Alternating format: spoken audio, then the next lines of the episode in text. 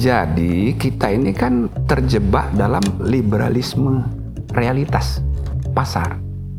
Maka saya suka sebut dua macam UUD. Undang-undang dasar, norma tertinggi, ujung-ujungnya duit, realitas tertinggi. Ini harus ada dialog terus-menerus. Jangan kita terlalu pragmatis begini. Jadi peran negara besar di bidang ekonomi, Pak. Inilah Endgame.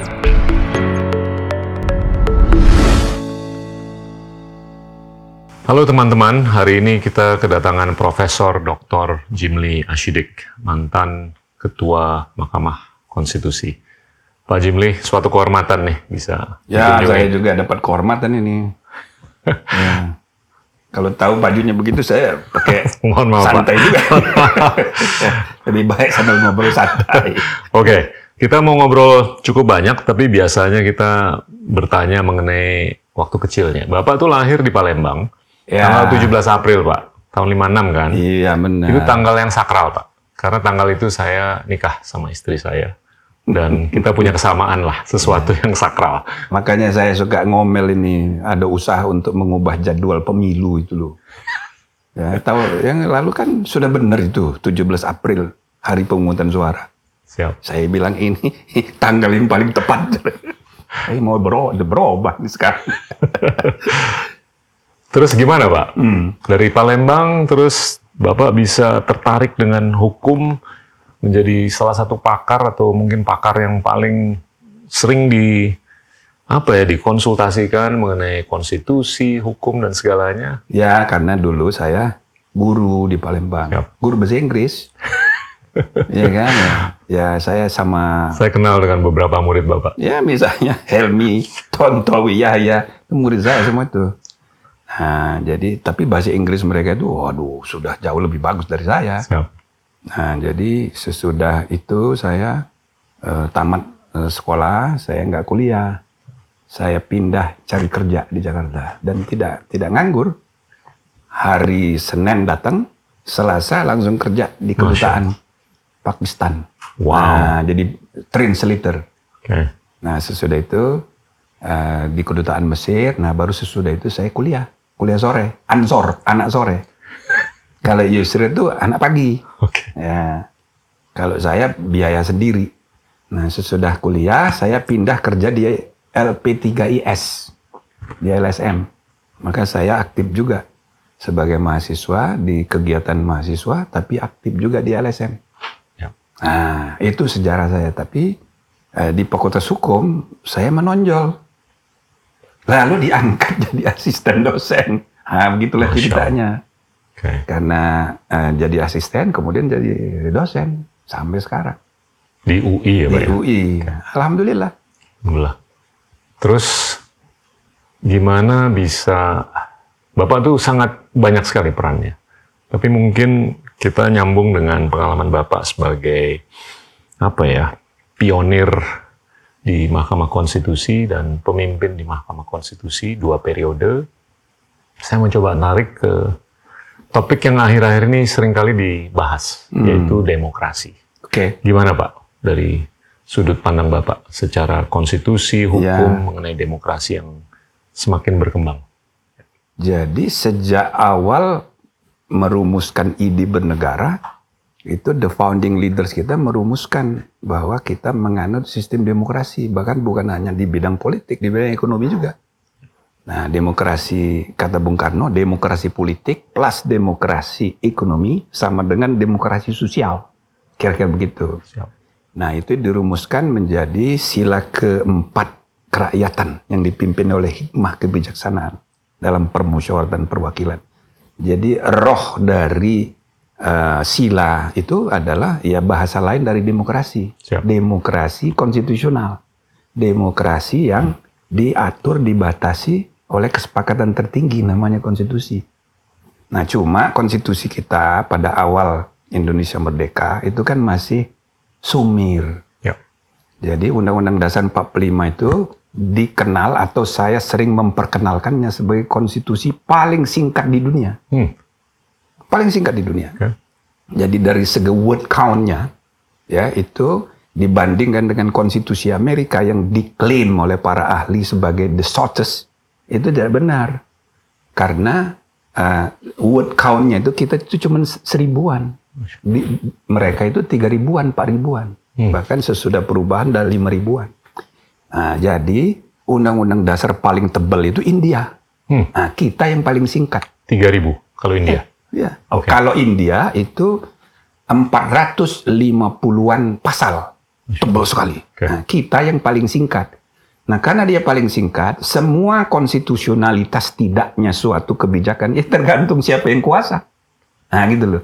Nah, maka sesudah reformasi kita adakan penyempurnaan. Maka dengan empat perubahan itu 300% kontennya bertambah. Wow. Jadi yang tidak berubah tinggal 74 ayat.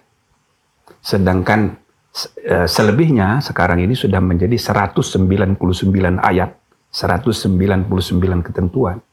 Artinya ada 300% bertambah kontennya. Cuma namanya masih 45. Karena para perumus perubahan takut kualat.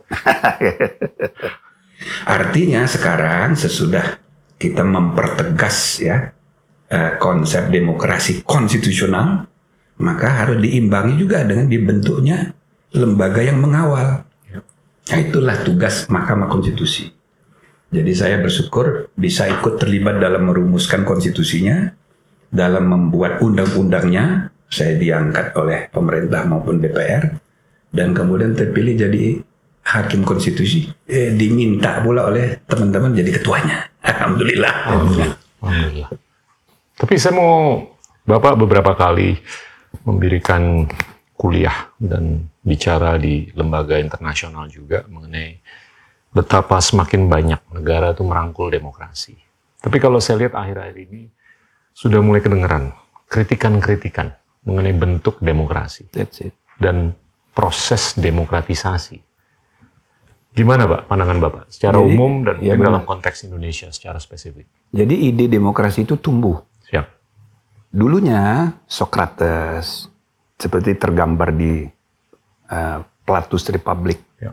Itu demokrasi itu istilah yang jelek di Yunani kuno. Ya. Bahkan oleh Socrates sendiri dalam dialognya itu digambarkan itu pemerintahan yang buruk itu demokrasi. Ya. Nah, jadi eh, nggak ada orang yang mau disebut demokratis, jelek itu. Tapi lama kelamaan dia tumbuh dalam praktek, lalu eh, dari praktek-praktek itu termasuk juga praktek di dunia Islam. Hmm. Ketika konstitusi Madinah dibuat, lain dan banyak lagi praktek-praktek seperti misalnya di negara-negara Barat sendiri, maka istilah demokrasi itu dipakai untuk sesuatu yang baik dan lama kelamaan menjadi konsep yang diidealkan. Tetapi teori demokrasi kan tumbuh juga. Ya. Nah, jadi sampai sekarang eh, doktrin, prinsip, teori demokrasi yang abad lalu belum tentu relevan sekarang. Betul. Misalnya teori Montesquieu sudah ketinggalan zaman. Itu kan dia tulis L'Esprit de Loi itu 41 tahun sebelum revolusi Prancis. Jadi Ya. banyak yang sudah berubah. Hmm. Apalagi zaman sekarang. Siap. Tiba-tiba kita menyaksikan perubahan-perubahan baru. Ini demokrasi ini kok jadi kayak begini? Ya.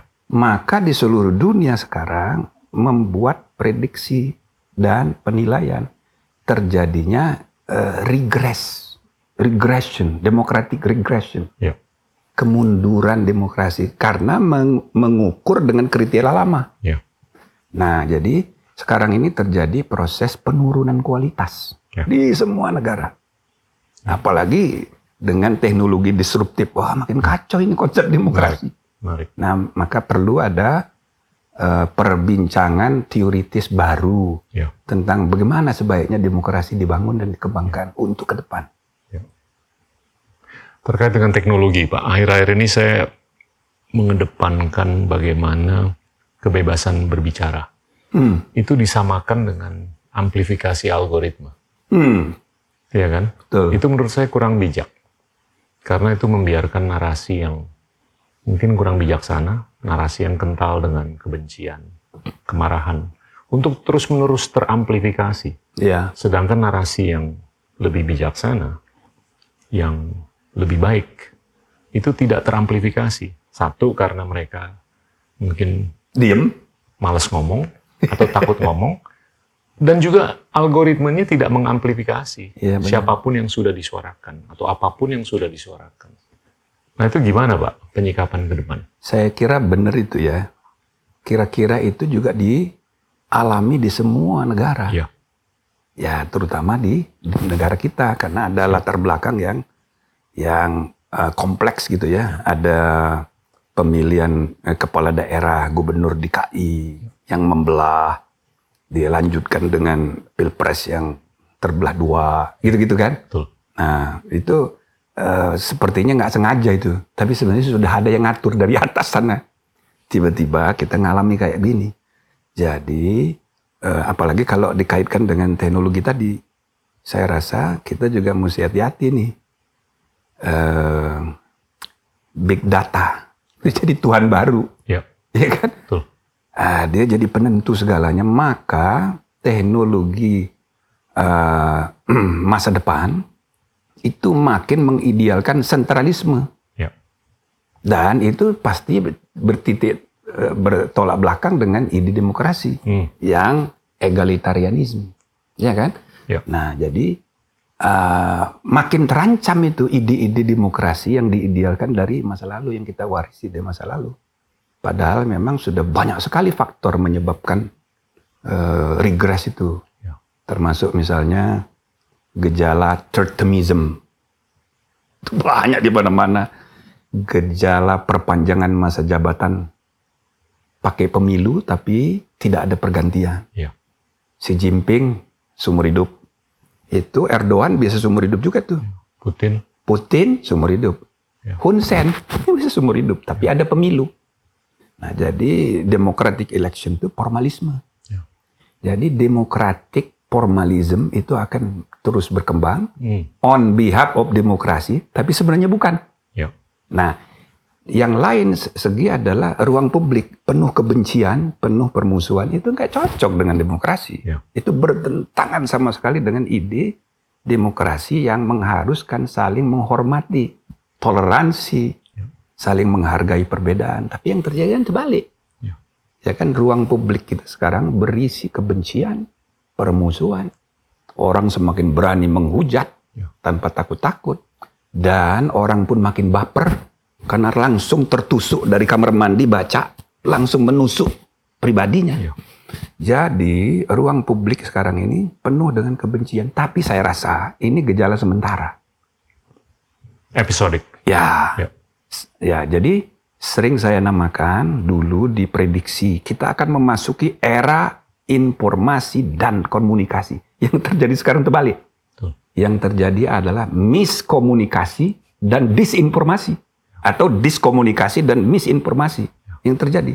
Jadi misalnya eh, informasi hoax itu banyak sekali Betul.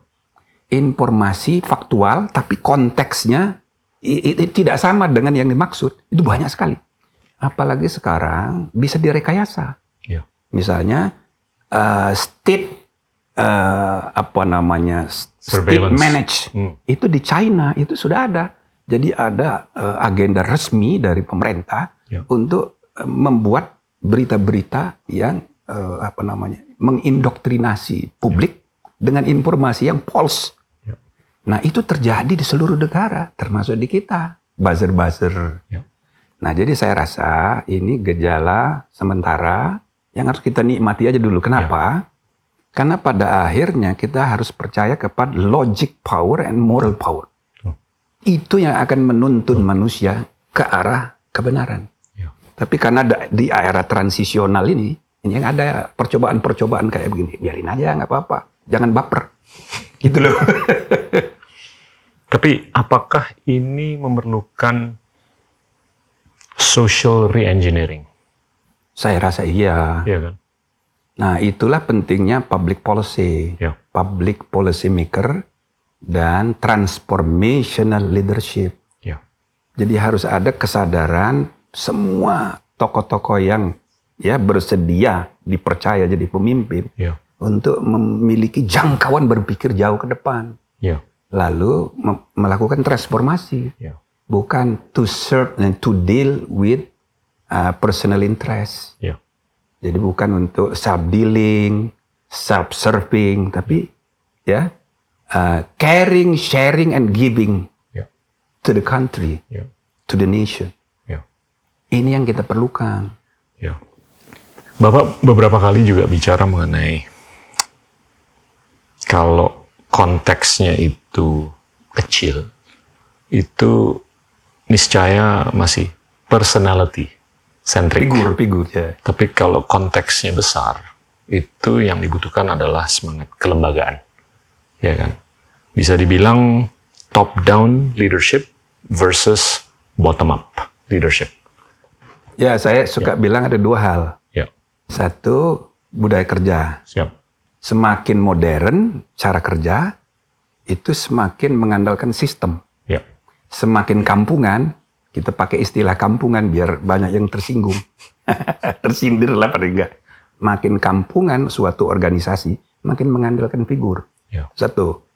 Yang kedua, kalau organisasinya kecil, itu cukuplah kita mengandalkan figur. ya, Tapi kalau organisasinya makin besar, kompleks, nggak bisa. ya, Tergantung sistem. Jadi sistem leadership itu yang harus di- dibangun. ya, Nah, jadi kalau organisasi negara, organisasinya besar sekali, ya, kalau masih mengandalkan figur, artinya masih kampungan.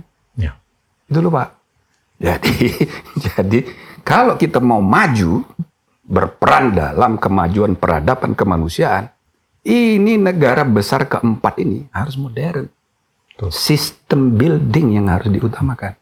Orang itu kan datang dan pergi. Sistemnya itu yang ajak. Nah, marilah kita sistem building. Tugas kepemimpinan itu sistem building. siap. Yang kedua communicator. Yang ketiga role model. Ya, Tiganya aja. Nggak banyak-banyak. Gitu loh. Yang lain tuh tambahan-tambahan dulu Pak. Saya mau tarik lagi nih Pak. Kalau saya perhatiin waktu Deng Shopping Ya. naik tahun 78 dalam pidatonya beliau yang lebih dari dua setengah jam kalau nggak salah.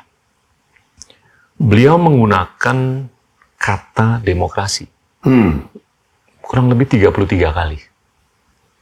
Dan yang saya tangkap dari pidato beliau itu adalah bagaimana Tiongkok walaupun berideologi apakah itu sosialis, komunis atau otokrasi, bagaimana beliau tuh mengedepankan demokratisasi ide, demokratisasi talenta. Dan itu yang menjadi katalis untuk terjadinya reformasi. Tiongkok menjadi superpower secara ekonomi, geopolitik, dan lain-lain. Setelah 40 tahun lebih lah.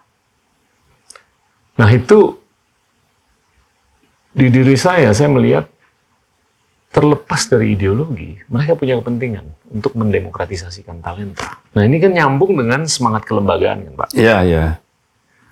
Semestinya demokrasi harus lebih piawai kan Pak, untuk mendemokratisasikan talenta. Ibarat kata dia bilang, ya gue nggak peduli deh, lo keluarga atau enggak, yang penting lo oke. Sebelum lo jadi wali kota, gubernur, pimpinan perusahaan dan lain-lain. Otaknya harus dibutuhkan apa? Dibuktikan secara kognitif, EQ-nya juga harus dibuktikan untuk menjadi pemimpin dalam dimensi apa pun. Itu demokratisasi talenta kan. Belum lagi demokratisasi ide. Nah kita sebagai demokrasi terbesar nomor tiga, India nomor satu, Amerika nomor dua, saya melihat mungkin ada simptom atau kecenderungan terjadinya deinstitusionalisasi dalam pengambilan keputusan. Saya curious, pandangan Bapak gimana Pak? Iya, sa- sangat ya dengan medsos yang makin disruptif ini ya. Jadi antara pendapat pribadi, misalnya di Twitter aja. Semua pejabat itu kan punya Twitter, Pak. Ya, Tiap hari nge-tweet. Masalahnya tweet ini tweet pribadi atau tweet institusi. Kan tidak tidak jelas tuh. Lalu begitu di-tweet dapat komentar pro kontra, ada yang maki-maki, ada yang muji-muji gitu kan.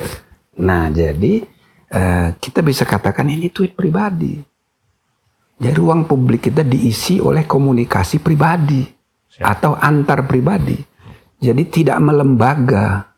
Kadang-kadang informasi internal yang belum seharusnya diungkapkan sudah terungkap secara pribadi. Jadi ini gejala gelombang deinstitusionalisasi politik padahal yang diperlukan konsolidasi politik. Kelembagaan. Jadi yang diperlukan itu pelembagaan cara kerja. Ya. Itu ciri modern, itu cara kerja itu harus melembaga. Pisahkan mana urusan pribadi, mana urusan institusi. Kalau kita bicara korupsi, itu kan eh, basis sosial korupsi itu kan konflik kepentingan. Ya. Nah, konflik kepentingan antara apa? Antara pribadi dan institusi. Ya. Nah, sekarang ini gejalanya terbalik. Deinstitusionalisasi politik ini malah membahayakan. Itu kalau menurut saya. Nah, kalau tidak disadari, tidak ada upaya anu ya, bersengaja, repot ini. Repot. Nah, jadi media sosial, Twitter dan sebagainya itu ya harus kita pakai untuk media sosialisasi. Siap. Tapi harus tahu ini harus bicara institutional, not personal. Ya. Jadi memang memang uh, konflik kepentingan ini mungkin perlu ada pengaturan tersendiri. Makanya saya dari dulu eh, setuju dengan ide kita buatlah undang-undang larangan konflik kepentingan. Hmm. Banyak aspeknya pak, Ya. banyak sekali. Siap. Ya. Dan saya rasa itu bisa mengatasi problem-problem yang tidak terpecahkan dalam gejala korupsi. Banyak sekali Wow. di semua bidang ya, antara politik and bisnis, Eh, bahkan ya gejala konflik kepentingan bisnis dan politik itu gejala dunia. Ya. Nah, yang paling menonjol sesudah Donald Trump jadi presiden itu paling Ya. paling anu. Mengapa? Karena undang-undang larangan konflik kepentingan di Amerika itu sudah sejak tahun 80-an. Ya. Dan bagus.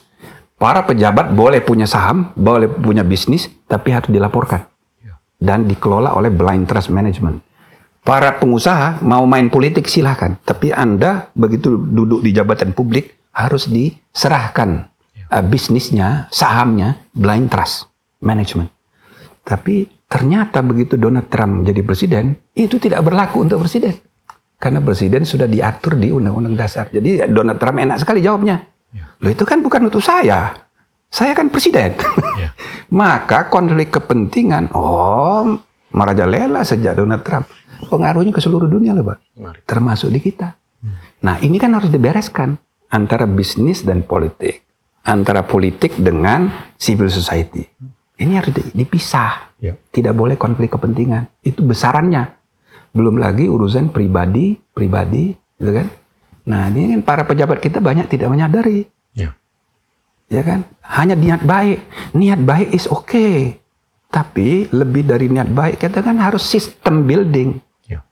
Gitu loh Pak. Ya, saya kasihan juga kawan-kawan jadi menteri, kemudian punya bisnis gitu kan. Itu kan dikuyu-kuyu orang. Terlepas dari niat baiknya. Ya. Niat baiknya itu benar. Ya. Cuma ya tetap ya nggak benar kalau dari segi konflik kepentingan. Ya. Timbul pertanyaan Pak, ini intuisi aja dari pernyataan Bapak. Saya juga udah sempat ngikutin Pak Jimli ngomong mengenai hal ini. Keterkaitan antara bisnis dengan politik. Apakah mungkin interpretasinya atau solusinya adalah untuk pemerintah itu lebih proaktif dan lebih besar perannya dalam ekonomi. State economy. Seperti apa yang kita lihat mungkin di Singapura Hmm. atau di China atau di Rusia untuk membatasi keterkaitan antara bisnis dengan politik. Biar pemerintah aja yang lebih berperan, lebih besar perannya dalam kue ekonomi itu. Hmm. Kalau kita mem- mempelajari, memahami sungguh-sungguh ya eh, cita-cita konstitusional Ya. yang dirumuskan sejak eh, the founding leaders menyusun Undang-Undang Dasar 45 itu kan jelas di eh, bab tentang kesejahteraan sosial tadinya Ya. sekarang ditambahin judulnya perekonomian nasional dan kesejahteraan sosial. Maka ini saya suka sebut Undang-Undang Dasar 45 itu bukan hanya political constitution seperti Amerika. Iya. Dia juga economic constitution itu satu. Kedua, pasal-pasal mengenai keuangan negara. Siap. Ya, bab 8. Terus tentang eh, BPK. terus mengenai uh, perbankan. Sebut contoh misalnya pasal tentang mata uang. Disebut kalau pelajari sejarahnya pasal tentang mata uang itu, itu di pack, di pack. Peran negara itu menentukan kurs. Baik. Itu itu di dalam perdebatan di BUPKI itu begitu dan pasal itu sampai sekarang nggak berubah. Maka kalau di original intent of the text itu peran negara besar dalam menentukan sistem keuangan nasional. Besar. Kita tidak bisa hanya larut pada dinamika pasar, ngikut perkembangan. Ya. Gitu loh, itu ide awalnya. Jadi kita ini kan terjebak dalam liberalisme realitas Ya. pasar. Maka saya suka sebut dua macam UUD. Undang-undang dasar, norma tertinggi, ujung-ujungnya duit, realitas tertinggi. Ini harus ada dialog terus-menerus. Jangan kita terlalu pragmatis begini. Jadi peran negara besar di bidang ekonomi, Pak. Nah, apalagi belajar dari banyak pengalaman contoh sekarang. Bagaimana eh, China gitu ya. Ya memang problem juga China ini. Jadi ini salah satu eh, democratic regas in the world gara-gara China sukses di bidang ekonomi tanpa memerlukan demokrasi. Ya. Jadi kata orang untuk apa bikin demokrasi kalau rakyat tidak Ya. bisa makmur, ya kan? Itu jadi alasan untuk Atraktif menurunkan seduktif. Ya. menurunkan apresiasi kepada sistem demo- demokrasi. Makan tuh demokrasi, kan gitu.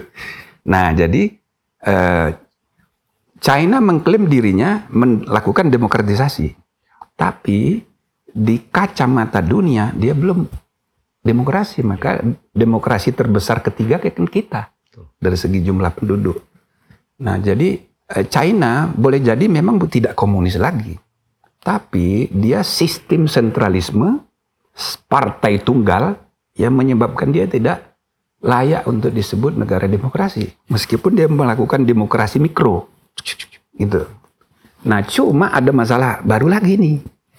Jadi ke depan dengan perkembangan eh, digitalisasi kehidupan ini, eh, big data akan menjadi penentu ke depan, maka potensi sentralisasi kehidupan semua bidang termasuk ide demokrasi, ide nasionalisme.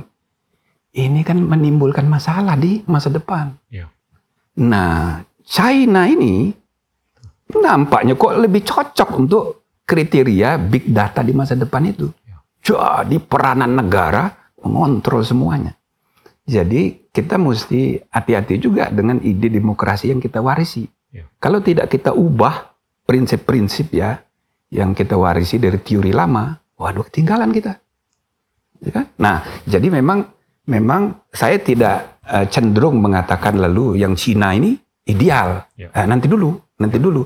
Karena di sana tidak boleh ada perbedaan pendapat, hanya satu suara Ya. satu partai, ya kan? Demokratisasi sepanjang tunduk di bawah sistem eh, partai. Di luar itu, ya hilang tuh, bisa hilang. Ya. Jack Ma aja bisa hilang itu, sudah diam dia sekarang. kan. Nah jadi jadi saya rasa itu bertentangan juga dengan hakikat kemanusiaan. Wow, ini banyak nih cabang pertanyaannya nih. Yang pertama mungkin mengacu ke pernyataan Bapak yang sebelumnya terkait dengan UUD atau ujung-ujungnya duit. Ini kalau kita mau benar-benar serius mengedepankan keadilan sosial bagi Ya. seluruh rakyat Indonesia. Di era yang mana kita melihat kesenjangan semakin mencuat. Apakah itu karena digitalisasi yang semakin membelah percakapan, membelah kesejahteraan. Apakah ini karena policy, karena kepemimpinan di mancanegara? Tapi saya melihat China itu rasio uang beredar terhadap PDB-nya jauh di atas 100%. Amerika Serikat jauh di atas 100% rasio uang beredar terhadap PDB.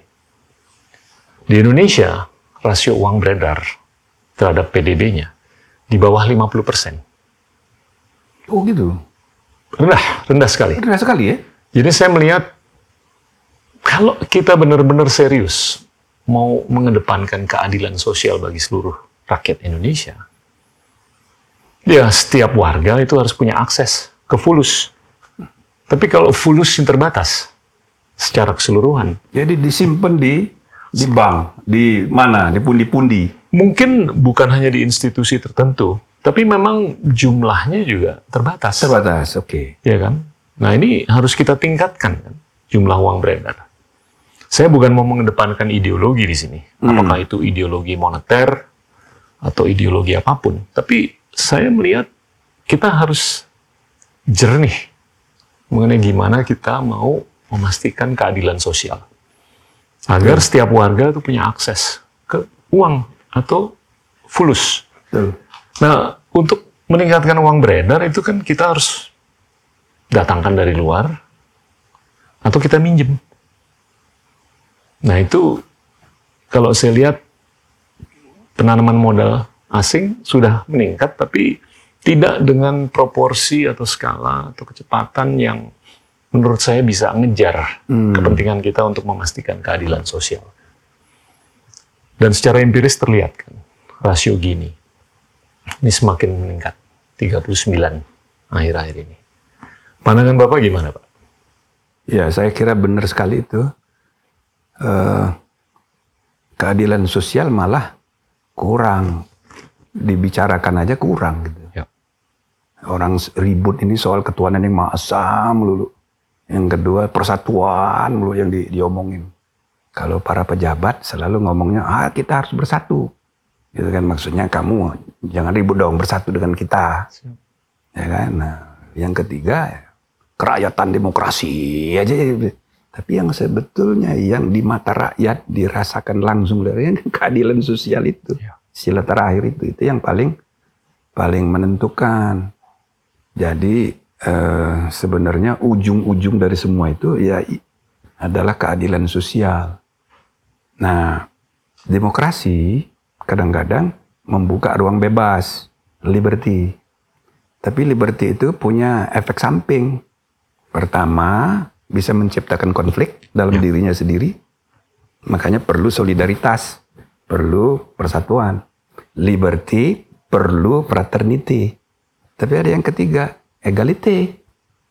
Egality yang kalau di di anu di Amerika prosperity. Ya. Nah, itu kalau digabung itulah yang kita maksud dengan keadilan sosial itu. Jadi eh kebebasan itu bisa menghasilkan ketidakadilan. Ya.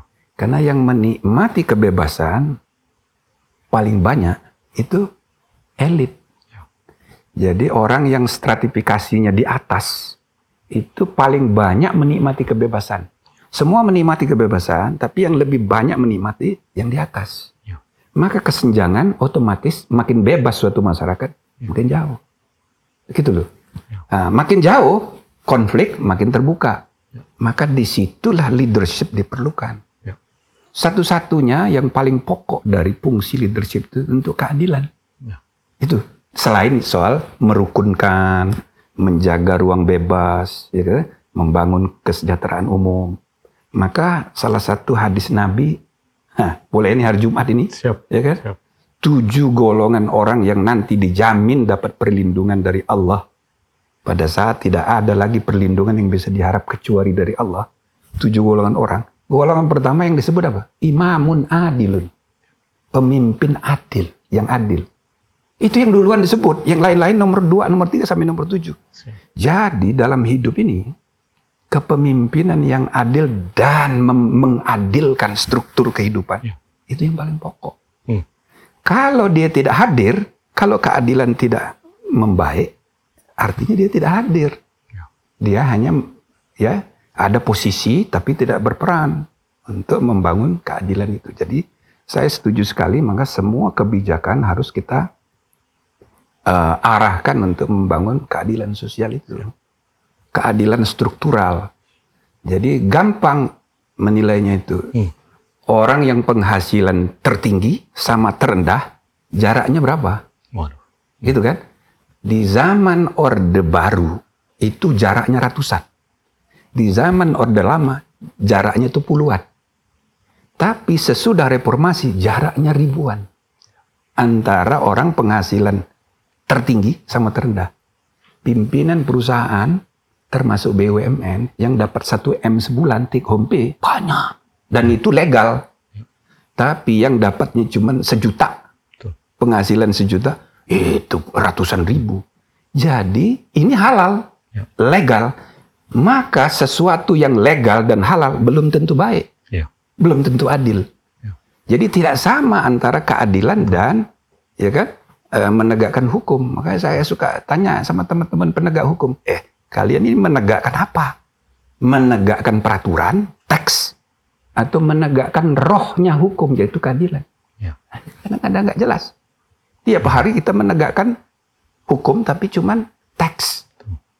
Jadi jadi sarjana peraturan Ya. bukan sarjana keadilan. gitu. ah, jadi problem kita serius dalam soal Ya. keadilan sosial. Saya setuju dengan data-data bahwa keadilan indeks Gini itu salah satu cara kita mengukur Betul. bahwa ini nggak ada kemajuan. Ya. Gitu loh. Ini cabang kedua pertanyaan. Bapak tadi menyinggung mengenai keberadaan Tiongkok Hmm. yang semakin signifikan. Ada istilah namanya Thucydides trap. Hmm. Ini berasalkan dari seorang jenderal di Athena yang menggunakan apa ya perumpamaan kalau ada power yang rising terus ada power yang declining itu terbelenggu mereka terjebak dalam trap yang mungkin kurang berkenan untuk banyak orang bukan mereka berdua saja. Amerika bisa dibilang mungkin on a decline Tiongkok on a rise. Pandangan bapak gimana pak? Saya saya rasa penggambaran uh, Thucydides trap itu ditulis oleh Graham Allison itu itu eh, penting itu ya.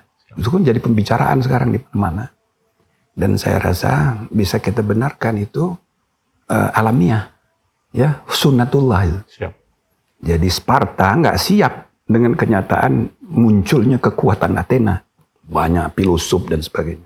Jadi perang. Nah itu lebih dari trap saya rasa ini sindrom. Sindrom semua orang, semua golongan, semua kelompok yang berkuasa melihat saingannya muncul nggak siap. Jadi harus di, ditundukkan. Nah jadi cuma yang jadi masalah sekarang ini eh, ada nuklir. Kalau kalau perang dunia kedua kan cuma tiga bom, satu untuk uji coba, dua diledakkan. Ya kan orang baru tahu belakang baru cuma tiga. Sebetulnya Jepang nggak usah nyerah waktu itu kan, tapi dia keburu nyerah. Nah jadi, tapi kalau sekarang ini sudah 10 negara punya hulu ledak nuklir ratusan. Jadi jadi kayak apa perang itu nanti? Jadi saya rasa uh, kita mesti bagaimana ya mengingatkan kekuatan dunia ini uh, mesti ke depan itu harus ada agenda denuklerisasi seluruh dunia ini. karena itu berbahaya untuk kemanusiaan. Jadi tapi udahlah perang dulu lah ibarat gitu kan. Nah, jadi jadi saya sampai sekarang ini melihat gejala perang dunia ketiga ini harap-harap cemas saya. siap Kalau kita tanya soal harapan, kalau bisa jangan. Ya. Tapi kayaknya jadi ini. Masya Allah. Jadi itu. Ya, coba udah satu tahun, semua kapal sudah ada di Laut Cina Selatan. Biayanya sudah lebih dari satu triliun. Udah satu tahun lebih. Nah, juga ah, perang sudah terjadi di perbatasan India dengan China. Ya. Rusia sudah mulai ribut lagi dengan Crimea dan sebagainya. Jadi kalau saya lihat kemungkinan bisa terjadi. Hmm. Seandainya tidak, ya kan? Ya kan? Yang jelas perang dinginnya lama ini. Ya. Nah, maka sampai pertengahan abad 20, tatkala kita menjelang 100 tahun Indonesia merdeka, kita harus antisipasi segala kemungkinan. siap Jadi kalau kita tidak pandai selama dua- 30, 25 tahun atau 20 tahun ke, ke depan ini, 28 tahun ke depan, kita salah mengambil langkah hanya orientasinya ke dalam negeri, kita bisa salah, salah langkah. Jadi kita boleh menganjurkan semua teman-teman yang sedang memegang amanat, tolonglah berpikir dengan jangkauan yang agak jauh ke depan. Jangan terjebak pada soal-soal eh, pragmatisme sektoral jangka pendek hanya untuk rebutan. Iya. Itu loh Pak, itu yang kita sangat harapkan. Saya saya sepakat. Selama berapa ribu tahun terakhir, teknologi itu kan terus berevolusi, Benar. berinovasi. Kecepatan dan akselerasi kecepatan semakin meningkat. Tapi peningkatan derivatif satu dan dua tersebut mengekspos manusia dengan margin of error yang semakin besar. Betul. Dan manifestasi error yang besar itu adalah Perang Dunia Kedua. Dan ke depan ini teknologi akan terus berinovasi dengan kecepatan dan akselerasi kecepatan yang semakin meningkat. Semakin besar lagi margin of errornya. Semakin besar lagi errornya. Jadi ini tugas kita lah ke Benar. depan untuk memitigasi risiko yang tidak diinginkan. Ya. Gitu. Ya kita belajar dari abad 20. Ya. Perang Dunia Pertama, Great Depression tahun 30-an. Ini kan potensi Greater Depression. Siap. And then tahun 40-an Perang Dunia Kedua. Ya. Tapi pertengahan abad 20 itu tercatat dalam sejarah perubahan tata ekonomi politik dunia berubah total. Ya. PBB didirikan terus macam-macam. Negara Asia Afrika pada merdeka. Siap. Maka kita harus siap kemungkinan perubahan tata ekonomi politik dan kebudayaan global sekali lagi Betul. pertengahan abad 20. Eh 21 ini. Ya. Nah, apakah jadi perang panas atau sekedar perang dingin tapi lebih dingin dari yang lalu? Ya. Itu pasti menghasilkan perubahan besar. Ya. Nah, jadi generasi masa kini harapan kita betul-betul memberi catatan ya mengenai antisipatif mengenai Ya. eh, perubahan yang akan terjadi. Mudah-mudahan begitu. Insya Allah mudah-mudahan ada gunanya dialog Allah. kita ini. Nah ini pertanyaan terakhir nih Pak. Ya, ya.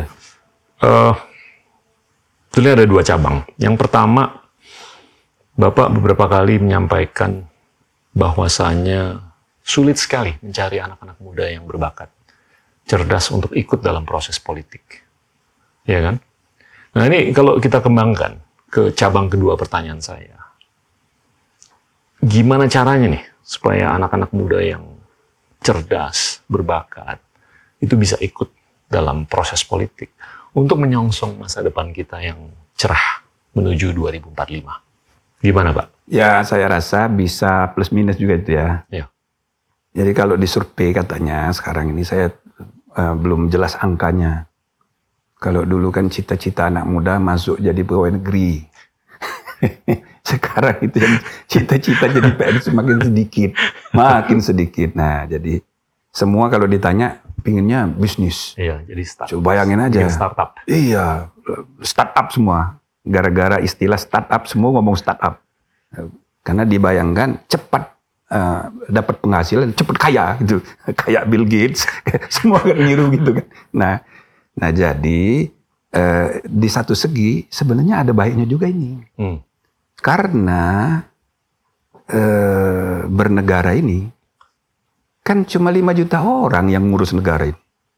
PNS kan cuma 4 juta. Pejabat-pejabat ya kayak saya kayak kita yang pernah jadi menteri. Itu kan paling paling banyak termasuk tenaga honorer satu juta. Iya. Jadi yang bangkrut tidak dapat penghasilan dari negara cuma 5 juta orang kalau negara ini bangkrut. gitu. iya kan? Tapi penduduk kita kan 270 juta. Iya. Nah makannya dari mana itu? Ya makan dari dinamika ekonomi. Itu loh dari masyarakat. Nah sekarang pelaku bisnis itu entrepreneur masih rendah sekali. Iya. Pendidikan kita pun cita-citanya sangat mulia, menghasilkan tenaga kerja terampil. Ya. Kan mulia sekali. Bahkan Menteri Nasir menambah kebijakan. Setiap sarjana S1 harus dilengkapi dengan SKPI. Surat keterangan pendamping ijazah. Maksudnya harus training profesional. Maksudnya jadi pegawai terampil nanti. Coba cita-citanya semulia-mulianya kan mau menghasilkan pegawai terampil. Kenapa Iya. bukan pemimpin terampil? Hmm. Bu- Kenapa bukan pemilik usaha terampil? Tapi yang dibayangkan cita-cita pendidikan nasional kita menghasilkan pegawai tertentu. Iya kan? Ini kan harus direformasi juga. Betul. Nah, jadi pelaku bisnis itu masih masalah. Ya. Jadi saya rasa dari satu segi ini bagus ini. Ya. Tapi di lain segi benar juga ya Pak apa Pak kita kemukakan itu ya. Kalau nanti yang yang mengisi ruang politik itu orang-orang pragmatis tidak Iya. punya idealisme, Iya. kan repot kita. Betul. Gitu loh. Karena public policy akhirnya itu yang uh, menjadi uh, apa namanya itu akar mula yang mempengaruhi semua kehidupan. Nah, jadi kalau public policy makernya itu orang-orang pragmatis, repot kita. Iya. Seperti yang sekarang ini. Jadi saya rasa dua-duanya mesti kita benahi ini. Sambil mengingatkan yang sudah duduk di dalam posisi politik. Mbok belajar gitu untuk berpikir jangka panjang. Iya. Ya kan? Sambil mendidik kader-kader eh, eh, apa bukan hanya businesspreneurship, sociopreneurship, juga politikepreneurship. Betul. Jadi bukan sekedar jadi PNS dan pegawai terampil. Iya. Nanti ujung-ujungnya jadi TKI. Gitu-gitu. Mbok jadi pengusaha. Iya. Ke Jerman sana jadi pengusaha. Maka sebenarnya menurut saya ya, bikin kebijakan daripada kirim TKI, mending kirim mahasiswa magang. Betul. Betul. Mahasiswa magang sebanyak-banyaknya. Nanti dia dapat kerjaan tapi Setuju. terhormat Iya. daripada TKI, apalagi TKW. Jadi saya rasa banyaklah yang perlu dibenahi.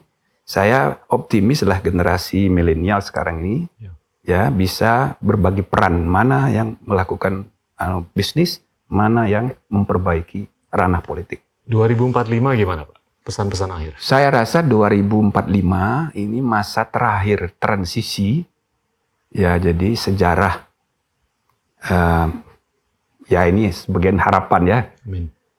feodalisme dalam politik Ya. kalau bisa itu sesudah 2045 eh 2025 2024 itu selesailah Siap. kalau bisa maka kita harus mengatur ulang sistem politik sistem kepartaian jangan jadi oligarki jangan jadi dinasti itu kan Ya. nah jadi eh, mungkin mungkin ya yang akan jadi presiden itu saya nggak tahu siapa mudah-mudahan ada generasi perantara Siap. jangan langsung muda sekali. Ya.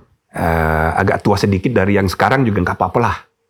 Supaya eh, regenerasinya itu tidak tidak meloncat. Siap. Nah, jadi kesadaran kesejarahan juga itu bahaya kalau meloncat. Dan eh, penduduk kita yang makin tua juga makin banyak. Politik kita juga mengalami gerontologisasi, makin tua. Nah, apalagi partainya dipimpin oleh orang tua dan sehat pula, panjang umur. Nah, maka dia yang akan terus menentukan. Sedangkan pejabat resmi, anak-anak muda yang dikontrol oleh orang tua, kan berbahaya juga itu. Jadi dia tidak punya independensi sebagai pemimpin.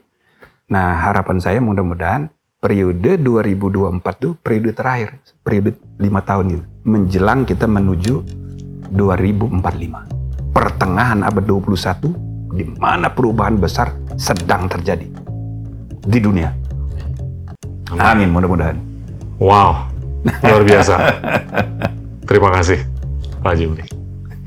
Teman-teman, itulah Profesor Dr. Jimli Ashidik. Terima kasih. Inilah Endgame,